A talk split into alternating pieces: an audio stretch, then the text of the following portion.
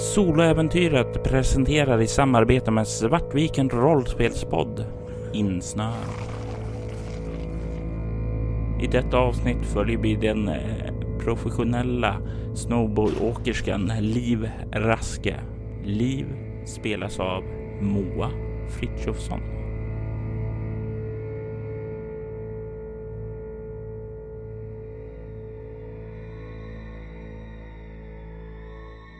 Sommaren är vanligtvis en tid att lapa sol på stranden och att emellanåt kasta sig i vattnet för att svalka av sig.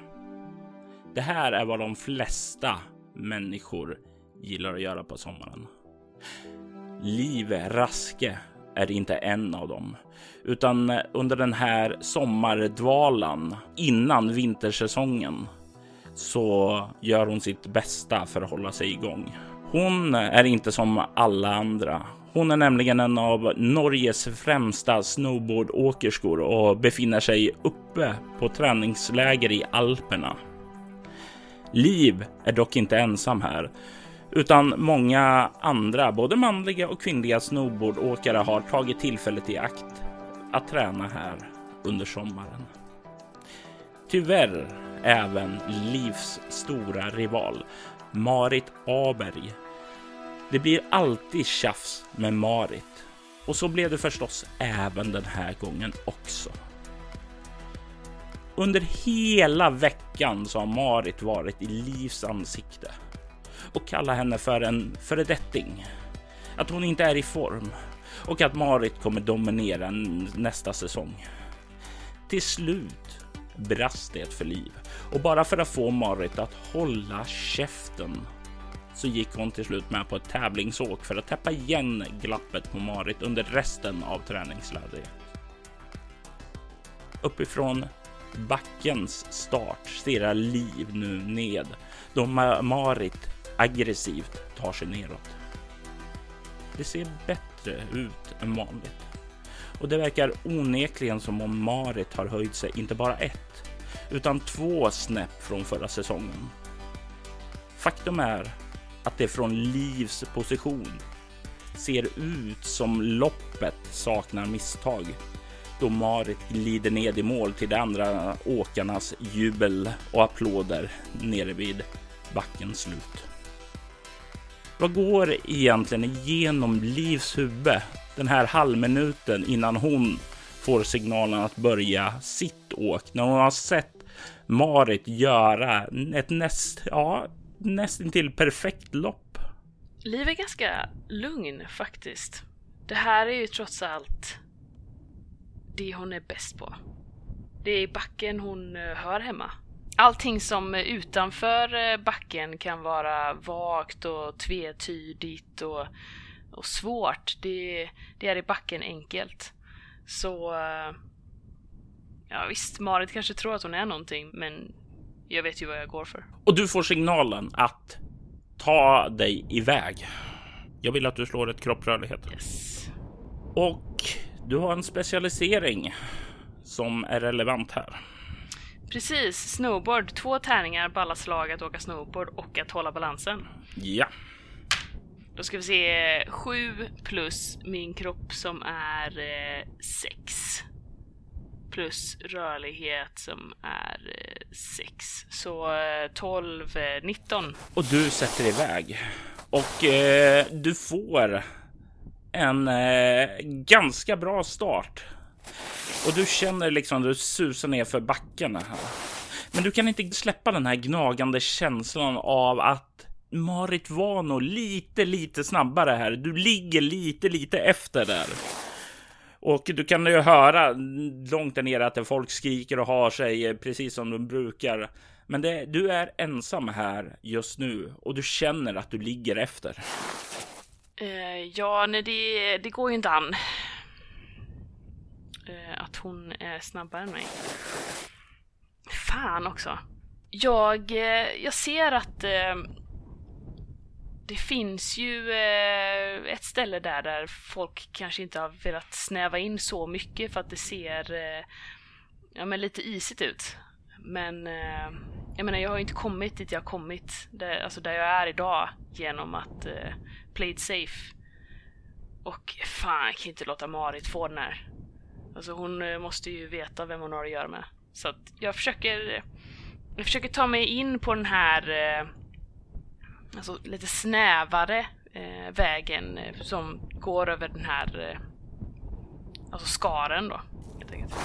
Du tar den där vägen och du känner plötsligt hur din snowboard hackar tag i någonting och du förlorar balansen. Du tumlar framåt och eh, landar på marken där. Du börjar liksom välta. Tänk dig med den här snowboarden att du liksom rullar. Det blir liksom som en eh, nästan eh, ja, en kullerbyttor nedåt där och du börjar tumla handlöst och sen så kommer du ut på det där isdelen som du skulle genom och börjar glida där och du far över banan ut från banan och kommer ut i de här lite högre snövallarna och du slår till någonting där i huvudet och allting svartnar.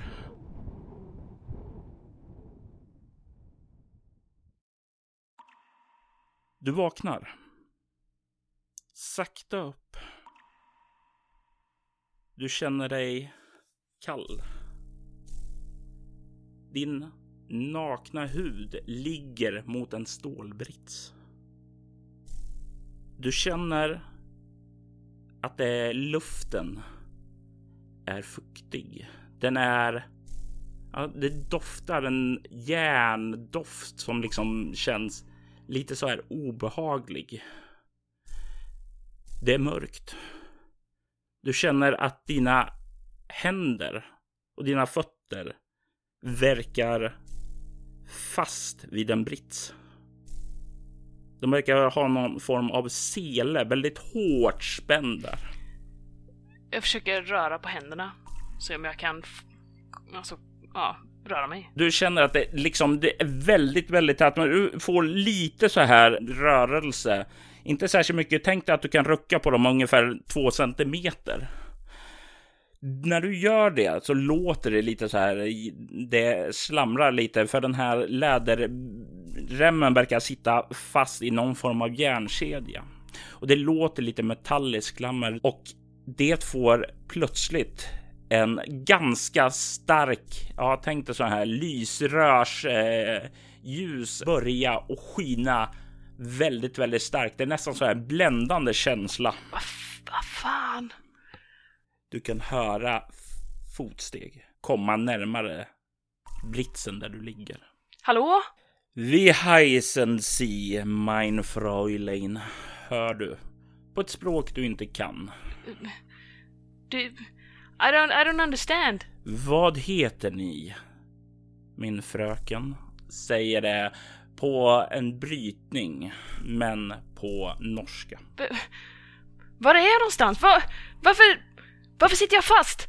Du kan se när dina ögon sakta börjar vänja sig med ljuset och när den här mannen kommer fram i synfält och blockerar lite av ljuset och tittar ner på dig så kan du se att det är en blond ståtlig tysk man. Och du kan se också. Vad har du i humaniora? Jag har eh, tre faktiskt. Du kan se att han har på sig en eh, SS uniform med en nazistisk armbindel på sig. Jag känner hur hjärtat börjar rusa. Du kan ta och slå ett chockartat skräckslag med utstrålning. Åtta. Du får en skräcknivå. Vem är du? Släpp loss mig! Mitt namn är Günther Fleischer och jag är här för att avgöra om du är värd att sparas eller att göra sig av med. Han säger, kollar ned och eh, kliver, han böjer sig ned mot dig och plockar fram en kniv. Och börjar föra kniven upp mot ditt ansikte. Jag börjar slingra mig på den här britsen och börjar skrika rätt ut. Du skriker och du, du har ju ganska god lungkapacitet som den vältränade idrottskvinna du är. Och det ekar. Och du får en känsla av att det här är ett hyfsat stort rum ändå. Han för kniven ner till ditt hår och skär av en lock där. Och sen så stoppar han den i en liten, liten eh, behållare. En, en, tänk en liten sån här gammal, nästan sån här eh, snusdosa. Hmm. Kom du hit själv? Eller är dina vänner med dig? Jag försöker eh, att greppa den här situationen. Det här kan ju inte hända. Jag, jag kan ju inte vara här. Var, var är jag? jag? Liv kan inte... Hon förstår inte den här situationen. Vilka vänner? Jag... Marit, hon... Vi var i backen och jag... Kan du inte bara... Kan du inte bara släppa mig? Jag... Jag behöver inte, jag behöver inte berätta för någon om det här. Du kan bara... Snälla, jag har... Jag har en familj, jag har... Jag... Jag vet inte ens vad jag är. Jag, jag kommer inte kunna berätta någonting för någon. Nej, du kommer inte berätta någonting för någon. Men jag skulle uppskatta att du var sanningsenlig. Jag vet att du var med fler personer här. Den, den eldfödda kvinnan, var är hon?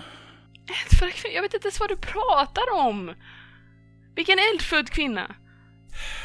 Okej. Var så då. Jag får väl ta och hitta dem själv. Han vänder sig ifrån dig och sen så ropar han ut. Doktor Ness! Doktor Ness, du kan komma nu här. Eh, ta hand om eh, henne. Hon är din. Du kan höra en dörr öppnas eh, från din ena sida. Och det kommer ut en annan man. Du kan se att han är mörkhårig. Han ser lite så där krupen i sitt kroppsspråk och eh, han är ja, ser lite rädd ut av sig i Günthers närvaro. Eh, ja, eh, kolla om hon är kompatibel med våra experiment. Kolla om hon är användbar. Hon är i alla fall en fin arisk kvinna. Hon kan nog stärka vår ras. Säger han och eh, den doktorn kommer fram. Ja, ja nej men absolut, jag, jag, jag ordnar det. Jag ordnar det. Eh, och du kan se hur Günther vänder sig om och börjar gå ut härifrån. Jag försöker desperat dra mig till minnes vad de här true crime-serierna som jag sett på tv har sagt om man ska man ska man göra motstånd direkt eller ska man spela med? Ska jag försöka eh, vara vänlig, bli vän med den här mannen. Det verkar uppenbarligen finnas någon form av eh, liksom maktdynamik mellan dem som eh, vad, vad, vad, bör jag göra? Och eh, alla de här tankarna bara rusar genom huvudet i eh, tusen kilometer i timmen och eh, jag har fortfarande jättesvårt att förstå att jag är här och att detta händer. Du hör dörren slå igen där borta och eh, doktorn när han kommer fram så tar han upp ett skynke som ligger vid sidan om eh, den här britsen och drar upp och täcker över dig. Eh, du, du, du får... Du får ursäkta eh, Günther. Han, han, han är inte så bra att ta folk. Ni behöver inte göra det här. Jag, jag, jag vet inte vilka ni är. Ni skulle kunna låta mig gå. Eh, jag, jag har inte gjort någonting mot er det, det, du, du måste förstå att Günther, han, han, han tar hand om oss. Han tar hand om oss. Eh, tyskarna kommer ju att vinna kriget och då, då, alltså, vi, vi kommer vara säkra då. Vi kommer tas hand om. Eh, det här är för vårt bästa. Vilket krig! Ja. Vilket krig! Ja, ja mot, mot eh, Storbritannien och Ryssland och ja, du. Alltså, det, det, är som det är. Alltså, eh, nazisterna har ju i alla fall gett oss möjlighet att fortsätta vår verksamhet här på Haugen sanatorium. Jag förstår inte vad du... Nazisterna, de har ju inte varit verksamma på... Jag fattar ingenting. Eh, du kan se hur han liksom sträcker sig runt och eh, drar fram en liten sån här eh, vagn där det ligger olika kirurgiska tyg på och han plockar upp eh, en eh, ja, måttband. Och du kan se hur han börjar ställa sig lite ovanför dig och börjar med att mäta hur, eh, hur stor din panna är. Jag behöver verkligen, verkligen gå på toa. Du, du skulle kunna... Du skulle kunna släppa loss mig och sen så... Jag lovar inte gå någonstans. Du kan ha koll på mig hela tiden. Jag måste verkligen, verkligen gå på toa. Vi, vi, vi, vi har haft problem med tidigare försöksobjekt eh, som försökt att fly, fly och de, de, de sa sådär och Günther blev arg på mig när jag försökte hjälpa dem så jag ska nog inte hjälpa dig. Men hur skulle jag kunna fly? Du är ju här. Du är ju mycket större än vad jag är. Mm, nej, nej, nej, alltså. Eh, kvinnor, alltså kvinnor är människor och alla människor har adrenalin och när adrenalinet pumpar så då blir de starka och men, men jag, jag, jag, jag, om du bara är lugn och så, så ska jag ge dig mer styrka. Vi, vi, vi, vi arbetar på det här. Att ni ska bli bättre. Eh, som Günther säger, Übermensch. Du behöver inte göra det här. Han börjar och eh, mäta nu, vad heter det? Ja, fortsätt att mäta. Ja, hur lång är din arm? Hur, hur lång är du runt midjan? Alltså den typen av... Varje gång han mäter det där så eh, tar han en liten paus och skriver ner det i en liten journal vid sidan om. Ditt, namn var Ness, eller hur? Mm, Elliot Ness. Doktor Elliot Ness. Mitt namn är Liv. Har du... Liv? Familj? Doktor Ness? Nej, jag, jag, jag är gift. Med mitt arbete. Jag, jag, jag, jag vill rädda människor. Du förstår. Alltså här på Hagen sanatorium så vill vi ta hand om människorna. Men, men det, det, går inte alltid. Det går inte. Alla kan inte räddas. Vi, vi, vi, måste, vi måste hjälpa. Vi måste finna ett djupare sätt att hjälpa dem. Och vi, vi, jag och medlemmarna i Thule-sällskapet, vi, vi börjar vara någonting på spåren. Vi har haft ett par lyckade experiment och jag, jag, tror jag har en lösning på det här. Jag tror jag har en lösning som kommer att hjälpa. Som kommer att hjälpa dig. Jag, jag, vi ska testa den på dig. Men du, du kan hjälpa mig, Dr. Ness. Elliot. Du, du kan rädda mig. Ja, jag ska rädda. Om du bara släpper mig. Så hjälper du mig. Ja, kan... Ja, nej. Uh, uh, uh, du kan slå ett utstrålning interaktion. Ska vi se. Om du kan slå ett motståndslag mot honom. Då ska vi se. Du ska upp i 13. Då ska vi se, jag har två interaktion. Och tre, så fem då.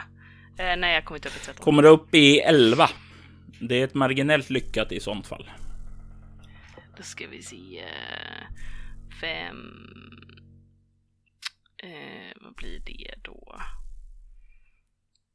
Eh, nej, jag kommer upp i 10. ja. Fan. Han, nej, nej, nej, nej, då, då, alltså, du måste ta serumet först. Du måste ta serumet. Ja, ja, ja, ja, du måste ha serumet, säger han och eh, du kan se ändå dina ansträngningar har gjort honom nervösare än tidigare. Eh, det är som att han är lite, lite osäker på vad han ska göra. Men, men när han blir osäker så kryper han liksom in tillbaka till Günthers eh, order och sådant snarare. Eh, han verkar räddare för Günther än vad han tycker synd om dig. Eh, jag, jag, jag, jag, ska gå och hämta sprutan. Sen kommer jag tillbaka och ger dig den. Eh, var bara lugn här, gå ingenstans, säger han och sen vänder han sig om och börjar gå tillbaka mot den dörr han kom ifrån. Fan, fan, fan, fan! Jag försöker eh, se om jag kan nå något av de här instrumenten som han eh, på den här lilla som han drog fram där och se om jag kanske kan eh, för jag hade, jag var, det var läderfästen, eller hur? Som jag började Jajamensan. Så jag vill ha någon form av skalpell liksom och så här, försöka skära igenom det. Jag säger att du kan ta och slå ett svårt slag med kropprörlighet. Ska vi se. 6 plus 5, 11. Eh, ska vi se, vad är rörlighet? Ja, jag har en sexa i rörlighet. Så eh, ska vi se, då blir det 12 plus 17. Du får tag i en skalpell. Jag känner hur pulsen stiger. Jag, det kanske går, det kanske går. Om jag... Jag måste bara vara snabb nu. Och så börjar jag försöka vinkla in den och se om jag kan försöka skära loss en av eh, samma läderfäste som eh, den handen som jag håller skalpellen i. Och det här är ju, vad heter det, krävs lite fingerfärdighet och det är också lite kvickhet och koordination och då innebär det att du ska slå ett kropp obemärkt härnäst då. Och 15 för att komma lös innan han kommer tillbaka. Nej, så en tvåa. Så två plus sex, åtta. Eh, obemärkt fyra. Eh, för 12 då. Du börjar skära och du får inte riktigt loss den innan han kommer tillbaka, utan tänk dig att du är ungefär halvvägs då. Men du ser det tillräckligt fort så att du kan liksom gömma undan eh, skalpellen i din hand så den inte direkt syns. Mm. Du kan se att han har en spruta med sig. Elliot? Ja. Elliot, jag skulle... Jag är så törstig. Snälla, jag ska inte bråka mer. Bara, kan du inte hämta ett glas vatten åt mig? Jag ska hämta vatten åt dig sen och jag ska ta dig till de andra. Dina vänner. De finns här nere idag också. Snälla Elliot, jag är så törstig. Kan du inte bara hämta ett glas vatten åt mig? Bara en, bara en sak. Jag förstår att du inte kan släppa lös mig. Jag förstår det. Du har din plikt här och jag, det var fel av mig att, att, att be dig att frångå den, men Snälla, kan du inte bara göra detta för mig? Eh, vad har du i interaktion? Um... Har du fyra så är du safe. Nej, jag har två. Han, ja, du ska få vatten, du ska få vatten. Jag ska bara, säger han och böjer sig fram och tar tag i din arm för att köra in nålen i ditt armveck i den arm där du håller skalpellen. Det är nu eller aldrig. Jag hugger honom. Det är där jag kommer åt. Du kan slå ett kropp närstrid eh, och du har eh, plus ett för du är så nära honom. Åh, oh, viktigt! En sexa. Så eh, sex plus ett då, sju. Eh, närstrid eh, två, så eh, nio och sen så var det kropp också. Mm. 15 då. Ja, du skär ju till honom och han skriker av smärta och liksom blod far ju över dig när han stapplar bakåt där. Eh, och han skriker eh, definitivt väldigt, väldigt högt. Och om, eh, vad heter det, det ljud går ut från det här rummet så kommer han att höras väldigt, väldigt bra. Ja, det finns ingen tid att förlora. Jag måste försöka få loss min ena hand så att eh, det beror, beroende på liksom hur eh, alltså skadad det här eh, själva alltså så läderstrapsen eh, den är så vill jag antingen försöka skära igenom det sista eller bara med rå styrka försöka slita loss den, se ifall den kanske kan spräcka sista vägen. Och eh, du kan slå ett nytt eh, kropprörlighet och den här gången är det på 10 svårighetsgraden ligger. Ska vi se. Ah, gött, jag fick en 4 och jag har 6 i kropp så 10 plus eh, alltså 16 då. Du får, får loss ena armen och eh, du hör ju han trillar omkull längre bort där och skriker fortfarande. Men du har en arm fri nu. Jag drar loss min andra arm och sen så benen i den mån jag hinner. Jajamensan och eh, du, du ser ju att han han verkar bryta ihop. Han ligger övergått från skrikande till snyftande och sättet han snyftar på så är det nästan som han verkar tro han är döende. Frågan är om jag eh, vill försöka, om jag tänker så långt att jag vill försöka neutralisera honom. Eh, men eh, då måste jag ju typ gå fram till honom och ta tag i honom på något sätt om man ska sätta fast honom i till exempel den här bänken eller någonting och det, det, det vet fan om man vågar alltså. Nej, vi, vi skiter i det. Jag jag hoppar ner från den här britsen och håller hela tiden den här lilla skalpellen framför mig. Som att, ja men, för, försök ingenting nu, försök ingenting. Mm. Och eh, jag hade inga kläder på mig, jag var naken. Ja. Du kan se nu lite mer av rummet att du verkar befinna dig i ett bårhus, för det finns såna här likluckor längs den ena väggen. Och det är tänkt ett, ja, säkerligen ett, ja, uppåt 20 luckor här. Du kan se längre in också att det finns en, eh, ja, eh, en plats där det går att kremera lik. Eh, och du kan se vad heter det på väggen tvärs emot likluckorna att det finns en dörr in till ett kontor eh, där doktorn kommer ifrån. Du kan också se att det hänger lite extra eh, rockar och sådant. Eh, och eh, finns en del skåp och liknande där också. Och sen så rakt fram emot eh, där du hade mot fötterna tidigare så kan du se en dörr som leder ut och det var där ut Günther gick. Nej men första steg är ju kläder så att jag jag har hela tiden blicken på uh, Günther men liksom backar bort mot de här, de här rockarna hänger och försöker vill ta en och liksom dra på mig så att jag inte är naken. Och...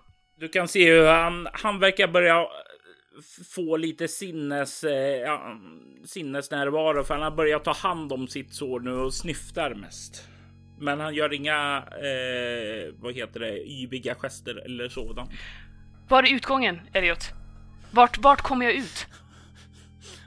Han, han höjer ena handen där, eh, vad heter det, du skar honom och medan han pekar mot gången där Günther gick så droppar blod ned ifrån det sår som du tillfogade honom. Du har skadat en annan människa. Du har skurit någon och jag tänker mig, det här är inte någonting som är en bekant känsla för liv. Att skada andra. Nej, men å andra sidan så... Han ville ju uppenbarligen bruka våld mot mig. Alltså han ville ju initiera mig med någonting mm. och han ignorerade ju mig som person. Så jag tror att jag är nog... Alltså jag har faktiskt inget meddelande för honom. Mm. Jag, är, jag är arg på honom. Han, eh, han behandlade mig som ett, eh, som ett föremål, som en tingest. Någonting som bara kan eh, som kastas bort. Som ingen bryr sig om. Men jag bryr mig om mig. Jag vet att jag betyder någonting. Så att... Eh, jag, jag, jag, tror att hon... Det är snarare liksom ilska. Jag börjar röra mig bort mot den dörren som han eh, pekade mot hela tiden med den här eh, skarpellen eh, mot honom. Han rör sig inte eh, närmare där utan han sitter kvar. Han sänker ned armen och börjar eh, vira in den. Jag tar den här sprutan också som, eh, som han eh, försökte injicera mig med. Mm. Sen så går jag ut genom den här dörren som han, som han kommer ifrån. Försöker öppna den lite försiktigt först för att så här, du, titta ut och se vad som är där. Du ser ut i en lång gång. Det finns celldörrar både till vänster och höger om dig. Du kan se att det enda ljuset som finns finns från en lampa som hänger i mitten och som liksom gungar lite lätt fram och tillbaka som om en vind puffade den. Som en vind du inte känner det blåste här. Och den eh, mestadels lyser väldigt, väldigt svagt. Men ibland så ser du också den eh, flimrar till och, och det blir svart för blott någon sekund innan den tänds igen. Du kan höra lite åmanden ifrån cellerna vid båda sidorna. Ja. Jag, när jag står där så jag vänder om och så tittar jag på Elliot Ness och uh, Nycklarna, har du nycklarna till de där? Och så nickar med huvudet ut mot uh, där cellerna. Släpp inte ut dem, släpp ut dem. De, de, de bildar inget gott, de bildar inget gott. De, du, du, du, de, nycklarna, de... Elliot! Har du nycklarna till dem där? Han nickar på kontoret. Ja, men då, ja, men då, då sticker jag till kontoret. Eh, med hela tiden med blicken på Elliot mm. då. Men rör mig runt så. Och jag vill inte gå för nära Elliot heller för att jag är lite... Jag tänker så här att jag har ett vapen men jag litar inte riktigt på så att... Jag menar jag är inte, jag är inte en fighter egentligen. Alltså skulle jag brottas med en skalpell så är inte jag säker på att jag skulle skulle jag kunna övermanna honom. Så jag försöker hela tiden hålla ändå ett visst avstånd till Elliot när jag hinner reagera på om han skulle göra ett utfall eller så. Du kommer fram och öppnar kontoret. Kan se att det är ett lummigt sken härifrån. En skrivbordslampa som vagt lyser upp det annars mörka kontoret. Du kan se att det finns ett eh, bokhylla med eh, ja, massa referenslitteratur. Eh, massor med olika filer. Det finns någon typ av ett gammalt, gammalt, gammalt arkivskåp med troligen massa patientjournaler där. Kan se också att det finns en ja, en garderob här också. Du kan se precis innanför så hänger det ett litet så här nyckelskåp. Jag sliter upp det. Du kan se att det finns flera olika nyckelknipper.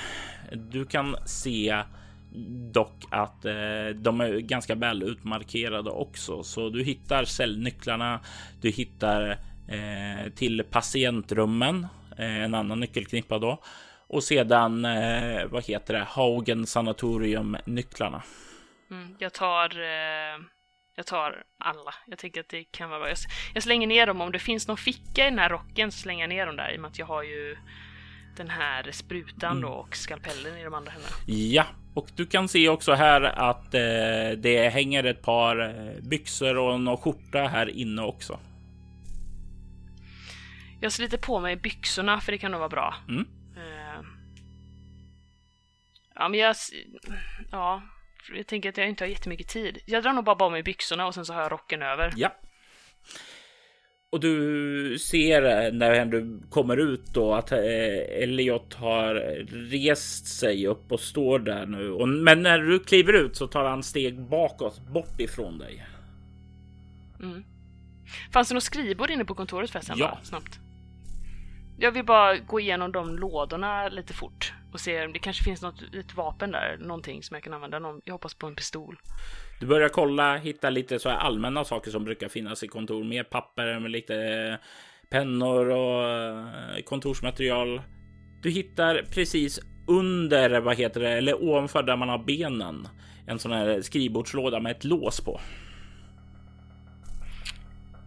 Jag försöker titta och se snabbt för någon av nycklarna som jag plockar på mig passar. Nej, det är ingen som ser ut att passa alls där. Jag kollar snabbt upp ovanpå skrivbordet och ser om så här, kan det ligga någon nyckel här eller liksom något som de, någon har på sig. Nej. Jag, jag kan inte lägga mer tid på detta. Jag går ut då och tar mig förbi Elliot Ness varsamt. Du, du, du, du, gör, gör ingenting. Gör ingenting. Du får ångra nu. Alltså, de, de, de, de är inte som oss. De är inte som oss längre. De, de är förändrade. Du ska hålla käften! Du, du... Jag försöker, jag, jag, jag, försöker hjälpa dig. Om du ändå ska göra något dumt.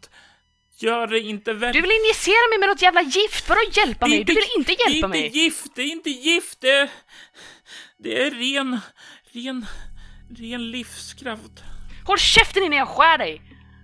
Säger jag och går ut i korridoren. Ja, du kommer ut där. Han svarar inte på det utan han är tyst. Jag vill eh, öppna dem där det är folk.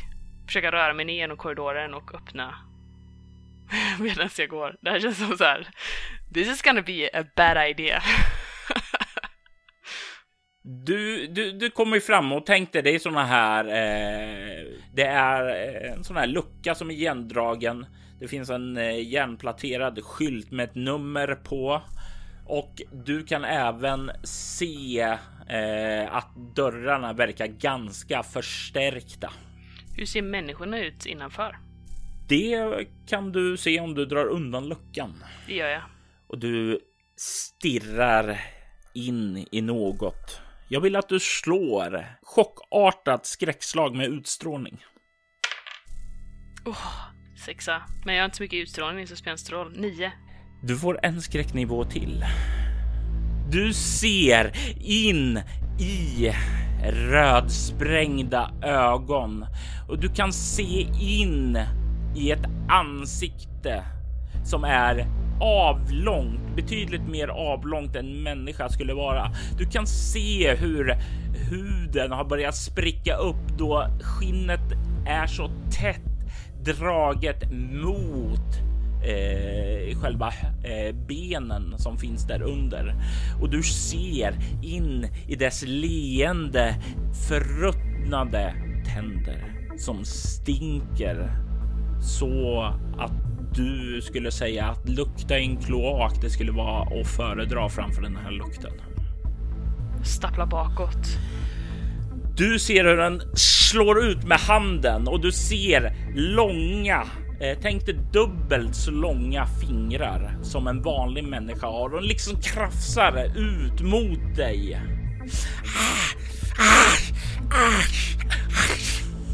Vad fan? Vad fan är det de har i det här stället egentligen? Jag börjar, bör, de här orden som Elliot Ness sa, de får liksom en annan innebörd för mig nu. Och jag helt plötsligt så känns det som att jag vill absolut inte gå längs med väggarna. Jag försöker röra mig bort eh, och hålla mig så mycket i mitten av gången som det går. Du börjar höra smällar. For, folk, om man kan kalla dem folk, börjar dunka på dörrarna om och om och om igen där när du så när du rör dig vidare framåt så hör du liksom ja, alla de här att du har väckt vad den basen slumrade där. Jag kastar mig mot den här dörren längst bort. Jag vill bara bort härifrån. Och du liksom, vad heter det, slår upp den och kan se en stor trappa som verkar leda uppåt från källaren. En liten del av mig kan inte skaka av sig att... att alltså undra, vad, liksom, vad, vad har gjort att de här eh, varelserna har blivit så skulle jag också blivit så. Om han hade fått eh, alltså, tid, om jag inte hade hittat den här skalpellen, om jag inte hade lyckats få loss. Alltså väldigt mycket så här, tänk om, tänk om går i huvudet och jag kan verkligen inte hamna i det rummet igen för då kanske det där, det är kanske jag som hamnar i en sån där mörk, låst, stängd cell. Kasta mig eh, upp för den här trappan.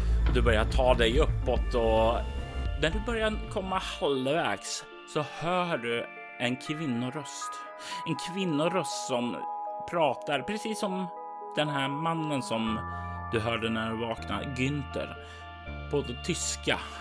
Och det är något melodiöst med hennes röst. Det är som om hon mässade nästan. Och när du börjar röra upp för trappen så kommer du närmare det. När jag börjar närma mig öppningen där uppe så börjar jag röra mig långsammare för att försöka liksom se om jag kan... Alltså jag vill inte bara kasta mig ut då. Alltså uppenbarligen, jag kan inte gå tillbaks. Så att jag måste ju ta mig upp där på något sätt men... Eh, ja, jag vill försöka se hur det ser ut innan jag kastar mig ut. Och här är det väldigt bra tillfälle att slå ett svårt slag med kropp obemärkt för att ta sig upp helt obemärkt. en trea va? Eh, ska vi se, så sju... Eh, tretton. Du kommer upp och kan se rakt fram. Du verkar befinna dig på ja, någon stor sal av något eh, slag. Du kan se rakt fram så finns det en stor, stor tavla. Du kan se att tavlan föreställer Adolf Hitler. Och vid hans sida så står det en man, Günther, och en kvinna som står vid Günthers sida. Eh, du kan ana att de nästan, ja, de ser ut som ett par. eh, kvinnan som syns på tavlan står framför den här tavlan och du kan se hon verkar stå där och mässa och verkar gestikulera samtidigt som hon gör det. Men hon står med ryggen mot dig. Alltså, Så är det här för jävla sjuka människor? Vad är det här för ställe? Eh, finns det... Ehm, eh, fanns det någon liksom annan dörr? Så i det här stora salen? När du liksom börjar försiktigt att kolla dig omkring så kan du se att åt vänster så verkar det finnas fler dörrar bort där. Inga andra personer, det är ganska nedsläckt här. Du kan dock se genom fönstret. Det, det är vinter i alla fall eh, och det är natt så du ser inte särskilt mycket överhuvudtaget där. Och du är på väg att vända huvudet åt andra hållet då du hör ett pistolskott. Du känner en brinnande smärta i knät och du kan ta två bestående förluster i kropp. Nej! Du känner också att du är på väg att förlora balansen när det liksom det knakar till rejält i knät. Det känns som om det här pistolskottet krossar en del av din knäskål också. Jag vill att du slår ett mycket svårt slag med kropprörlighet för att inte trilla ned för trappen.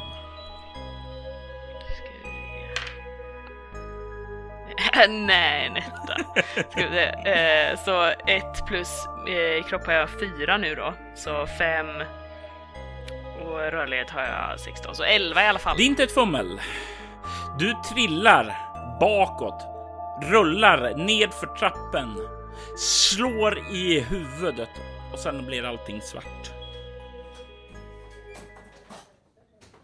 När du vaknar så har du väldigt, väldigt vaga minnen av vad som nyss hände dig. Det är, det är tänkt som när du vaknar efter nattsömn och du vet att du har haft en väldigt, väldigt obehaglig dröm, men ganska snabbt så ja, då försvinner detaljerna. De glöms bort när den vakna världen kommer över dig.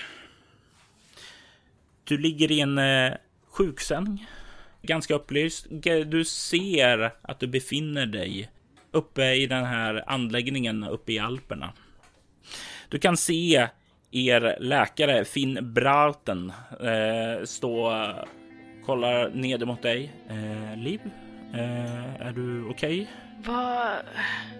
Var är jag någonstans? Eh, ja, du är på anläggningen. Alltså, du, du var med om ett ganska, ganska hemskt fall. Eh, jag vill att du ligger still här nu. Eh, vi väntar på röntgenbilderna eh, för att se hur illa fallet eh, var. Ehm, det, jag är väldigt, väldigt orolig för ditt knä. Okej, okay. men vad, alltså som i... Vadå, som i typ att inte kunna... Säsongen då? Jag... Ja, det finns inget bra sätt att säga det här, men jag, jag tror jag tror vi, vi ska börja med att se hur illa det är. Sen, sen behöver vi se om det behövs hur avancerade operationer vi måste göra. Men det kommer att krävas definitivt månader av rehabilitering. Jag känner hur halsen eh, tjocknar och jag sträcker fram min hand för att eh ta hans. Och han tar den. Och jag tänker att du ska få ett skräckslag med utstrålning här eh, för det här beskedet. Och jag låter dig välja om det ska vara ett eh, omskakande, chockartat eller fruktansvärt eh, skräckslag. Beroende på hur, hur katastrofalt som Liv tycker att det är. Chock är medelnivån, eller hur? Ja, så jag tror nog ändå att det är ett chockartat faktiskt. Uh, ja, det är lite svårt. Alltså snowboardingen är ju är ju en väldigt stor del av hennes liv, men samtidigt så tänker jag att hon har ju ändå andra saker going for her också, även fast snowboarding är det absolut viktigaste. men jag tänker en chock faktiskt. Mm. Se. Åh! jag slår en sexa. Jag gillar de här tärningarna. Vi kanske ska använda dem oftare. eh, ska vi se. Och us- mot ostyren då, så nio. Ja. Då får du en skräcknivå. Men det, för det är ju trots allt ändå ett ganska hemskt besked som hon får. Mm. Du, eh, jag, jag var lite orolig för andningen när jag kom in här, men det verkar ha gett med sig. Eh, han liksom kollar ner oroligt på dig. Eh, din manager kommer vilja tala med dig. Eh, han... Eh, du vet hur han är. Han vill... Han oroar sig för din karriär nä nästan... Nästan lika mycket som dig. Det betyder att jag har någon som oroar sig för mig då. Säger jag och kramar hans hand lite. Och han kramar den tillbaka. Är du redo att försöka sätta dig upp? Jag tror det. Och han eh, försiktigt så liksom tar han och försöker hjälpa dig uppåt och du gör det så känner du att eh, det gör ont i knät. Riktigt ont. Betydligt mer ont än, ja du har ju varit med om skador tidigare så när du säger att det gör ont så då är det ingen överdrift. Mm. Ah, alltså det... Jag, tror faktiskt inte ens att jag säger någonting utan jag tänker att så här. Jag vet inte, jag, jag, fick, jag fick lite så här fil för han Finn. Det känns som att vi har, du har något pass där. Så jag tänker att det kanske räcker om jag bara tittar på honom med eh, lite... Ja, men så här, med, med lite skräck och chock i blicken. Att det här är nytt. Han har ju sett mig hur jag hanterar andra skador men det här, det, det är inte så. Du kan ju se att han kollar tillbaka med en väldigt så här mm, medömkande är fel, men väldigt så här empatisk blick och ungefär som ja, om det är någonting som du vill att det ska göra. Det är bara att säga till. Eh, han ser till att du får in några kuddar så du kan sitta upp i alla fall. Jag tittar ut genom fönstret och känner eh, en overklighetskänsla. Och lite såhär déjà vu. Det känns som att här, jag har känt så här förut men eh, jag kan inte riktigt... Eh, jag kan inte riktigt placera vart. Jag får bara känslan av att det, har hänt innan. Du kan höra att det bipar till lite i hans ficka och han plockar upp telefonen och säger Okej, okay, jag har fått in eh, röntgenbilderna så jag ska gå och kolla på dem. Och sedan så kommer jag tillbaka eh, med besked hur det ser ut och vad jag tycker vi ska göra härnäst. Är det någonting jag kan se till att du får medan du är du törstig? Ja, jag skulle kunna ta ett glas vatten om det finns. Eh, var, var är min mobil någonstans? Din eh, manager plockade upp eh, din utrustning och sådant så han har nog den. Okej. Ja, ett glas vatten hade varit bra. Eh, jag, jag ser till att det kommer där eh, omedelbart. Eh, jag, jag är tillbaka så fort jag kan. Tack, Finn. Och han eh, släpper din hand lite motvilligt och börjar kliva utåt sen. Och precis när han är på väg ut så vänder han sig om och kollar lite så här. Nickar åt dig. Eh, ungefär som eh, förlora inte hoppet. Jag försöker känna mig hoppfull men eh, jag uppmanar ett, eh, ett leende men det, det är mest för hans skull. Och eftersom ni liksom har odlat en sån där kontakt du sa tidigare så tror jag nog han, han förstår att du försöker men ser lite igenom det ändå. Även om han inte försöker visa det. Även om du förstås förstår att han inser det.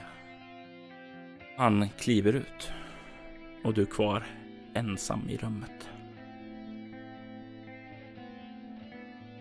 Det snöar ute. Du hör vinden susa. Borta på fönsterbrädet så kan du höra ett pickande ljud.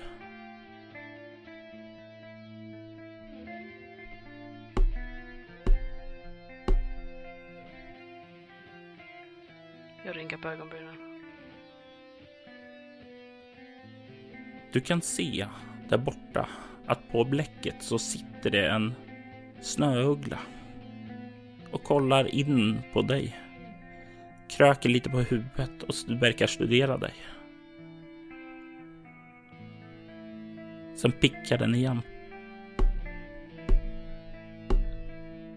Fascinerande, men jag kan ju inte riktigt ta mig bort dit. Så att eh, jag, jag sitter väl mest och... Jag har aldrig sett en sån på så nära håll. Så jag sitter och, och tittar. Du kan höra att dörren öppnas och du ser den här ugglan då direkt tar och börjar flaxa iväg och försvinna ut i mörkret. Hur är det? Du kan höra Per Norgard komma in, din manager. Han har med sig glas vatten till dig. Här har du vatten. Eh, Finn sa att du ville ha det. Ja, ah, tack. Har du hört någonting? Har han sagt någonting? Ja, det, det, det, är, det är illa.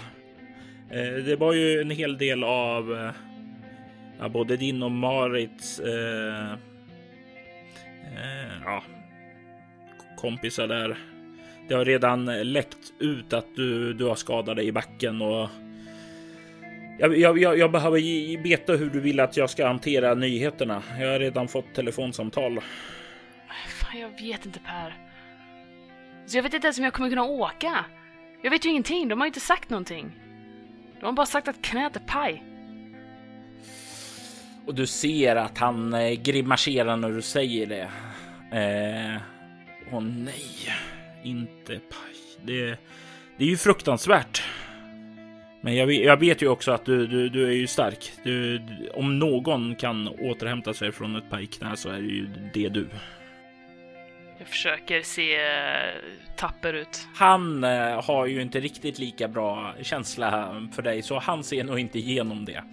Utan ah, han nickar sådär. Okej, okay, eh, då... Då... Um, jo, just det. Eh, Finn sa att eh, mobilen här. Ja, tack. Då ser jag till att jag eh, håller det läget under kontroll tills vi vet hur vi vill hantera det här. Ja, alltså jag, jag orkar bara inte. Jag orkar bara inte Per. Det känns som att alla Alltså det var tillräckligt mycket snack innan och nu... Jag skulle bara vilja... Fan, kan jag inte bara åka bort någonstans? Jag, jag kan kolla, kolla på det där. Uh, absolut, jag kan ta och se vad jag kan göra. Uh, jag vill bara reda det här i lugn och ro. Jag orkar inte att alla ska liksom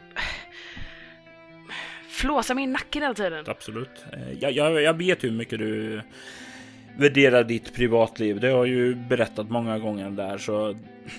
Men eh, vi har en. Vi kan ta det sen eh, när jag tänker efter, men eh, vill du att jag kontaktar din familj? Nej, jag kan smsa mamma. Det är lugnt. Okej, okay. eh, men då ser jag till att jag lämnar dig lite i fred och kommer tillbaka efter Finn har eh, pratat med dig. Jag börjar kolla på ställen också. Tack Per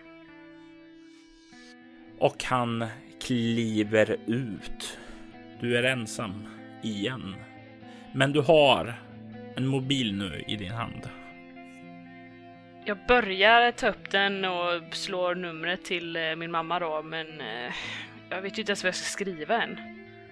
Så att det slutar med att jag bara sitter med den i knät och stirrar på skärmen och har liksom ett tomt eh, medlande fält där jag liksom jag vet inte vad...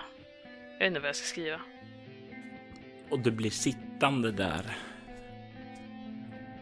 Du vet inte riktigt hur länge du blir där, men snart så kan du höra hur dörren öppnas. Och Finn kommer in i rummet igen och du kan se att han, han försöker le mot dig, men det känns väldigt sammanbitet, väldigt allvarligt. Jag har fått tillbaka Jag har fått tillbaka mm, röntgenbilderna och det är illa. Jag, jag, jag, kan inte sticka det under stolen. Vi, vi kommer gå in, behöva gå in och operera och du kommer bli sängliggande åtminstone en månad. Och därefter så kommer det att krävas hårda, hårda rehabiliteringsmånader. Alltså, jag, jag, det finns inte en chans att du kommer tillbaka den här säsongen. Eh, för, för andra skulle, skulle jag säga att karriären var över, men jag, jag känner dig. Jag vet att du är en fighter. Jag vet att om någon kan ta sig förbi det här så är det du. Och han kommer ju fram till dig och fattar din hand. Jag känner hur eh, tårarna börjar bränna, men jag vill liksom inte gråta, men så kan jag inte, jag kan inte riktigt hålla inne det heller, utan eh, de börjar strila ner eh, för kinderna och liksom vänder mig upp mot Finn och kan du inte bara, kan du inte bara hålla om mig en stund? Han sätter sig ned på sängen och omfamnar sedan dig och drar dig till. Och du känner, vad heter hans varma, trygga famn. Jag vill bara vara här en stund. Jag orkar inte. Jag vill bara... Jag eh, gnor in mig mot eh, hans hals och, och ligger där. Det är ändå någonting med hans närvaro, något med ert band som gör att det, det, känns lite bättre, i alla fall för stunden. När han går däremot är det fullt möjligt att det kommer att kännas sämre, men just i den stunden att bara få vara, att få vara nära honom där. Det, det ger i alla fall en viss känsla av stabilitet. Du vet inte riktigt hur länge du blir där, men du, du till slut så blir liksom ögonlocken tungare och tungare och du somnar i hans famn. När du vaknar upp nästa dag så kan du se hur det sitter en person i stolen vid din sida. En person som du inte förväntar dig att se. Du kan se hur Marit sitter där. Och när hon ser att du vaknar så säger hon. Liv, är du okej? Okay? Du gnydde ganska mycket. Ja, jag sätter mig upp och känner mig lite liksom generad. Uh, va, okej, fan vad gör du här då? Uh, fan, ska du komma hit och vara skadeglad nu eller? Jag kom hit för jag vet att det här är definitivt inte något som jag... Ja, det skulle vara en katastrof för mig så jag förstår att det är en katastrof för dig. Jag, jag, jag ville bara säga att eh, jag, jag, jag, önskar att det kunde ha varit annorlunda. Det här var säkert. inte... Du är säkert skitglad just nu. Fan, raka vägen till toppen utan att behöva göra någonting. Jag, jag, hade sett fram emot att slå dig ärligt i backen. Bullshit! Du, du, såg Bullshit! Du såg mitt lopp där. Jag hade kunnat slå dig. Och du tror va? Du tror. Det finns inte en chans i världen att du hade kunnat slå mig. Var det därför du kände dig så himla nödvändig att gå ut i de otrygga delarna av backen? För att du kände att du hade så kontroll? Nej, du, du kände dig hotad av mig. Det är ju enda skälet där att du tog dumma dig. risker. Alltså att du, jag tar risker för att jag kan hantera dem. Kan hantera dem ända in i sjuksängen. Bara gå härifrån, Marit. Jag vet, jag vet inte ens varför du kom. hon reser sig upp och säger jag, jag kom för jag skulle önska dig att krya på. Men skit i då. Skit i eh, säger hon och börjar kliva ut och smäller igen dörren bakom sig när hon kommer ut. Det känns som en liten del av min identitet eh, går i kras när den... Eh, alltså hon har ju rätt. Jag har alltid sett mig som en individ som... Eh, visst, jag tar risker. Men jag tar risker för att jag kan hantera riskerna. Men det här är ju inte exakt att kunna hantera riskerna. Du kan se hur dörren försiktigt öppnas och hur Per kollar in. Ehm, behöver du frukt frukost eller någonting? Bara gå ifrån Per. Jag vill inte prata om det. Eh, Okej. okej. Okay. Eh, vi kommer behöva tala, men vi behöver inte göra det nu. Jag återkommer. Och han kliver ut. Det går så här, timmarna går. Snart kommer ju Finn in, tittar till dig, tar hand om dig, ser till att eh, informera dig om operationen, vad som kommer att behöva göras. Så det är ju, eh, även om det sker med godhet så känns det ganska jobbigt att höra dem. Och han kollar mot dig. Jag skulle rekommendera att vi tar och planerar in den så fort som möjligt. Men jag vill eh, höra vad du känner och tänker. Om du tror att det blir bäst så, så gör vi så. Mm. Eh, jag, jag ser till att boka in det. Eh, jag kommer tillbaka sen. Och han försvinner iväg och det blir som så under de eh, kommande timmarna så återvänder han. Han eh, gör dig redo för operation eh, och du för sedan iväg på, rullas iväg i sjuksängen bort mot operationssalen. Och du känner när du rullas in där de här starka eh, ljusskenen från operationslamporna och lyser där. Du kan inte riktigt sätta fingret på vad, men du får en känsla av déjà vu. Ditt hjärta slår lite snabbare. Och du sövs ned. Du vaknar efter operationen. Och du känner hela ditt ben och så ligger ju bandagerat och så nu ganska hårt den långa resan till väg tillbaka påbörjas nu. Du får tala med din manager Per senare och han säger att ja, jag har hittat. Jag har hittat ett ställe, ett avskilt ställe där ingen kommer att eh, hitta dig eh, ifrån media och sådant. Eh, där kan du träna. Där kan du vara i fred. Du behöver inte träffa särskilt. Du behöver inte träffa någon media, ingen press, inga sportjournalister, inga fans. Eh, stället heter Marheim fjällhotell och jag skulle kunna boka in dig, eh, vad heter det, så fort du har återhämtat dig och är redo att eh, återvända till Norge. Vill du att jag ska göra det? Ja, gör det. Han nickar ganska fåordigt och sen så stannar han till. Hur vill du att jag hanterar det här för pressen? Jag vill inte att du ska flåsa mig i nacken Per. Bara, bara ta hand om det. Absolut, säger han. Eh, och sen nickar han och kliver ut. Det är en hård månad. Det är värre än vad du trodde det skulle vara.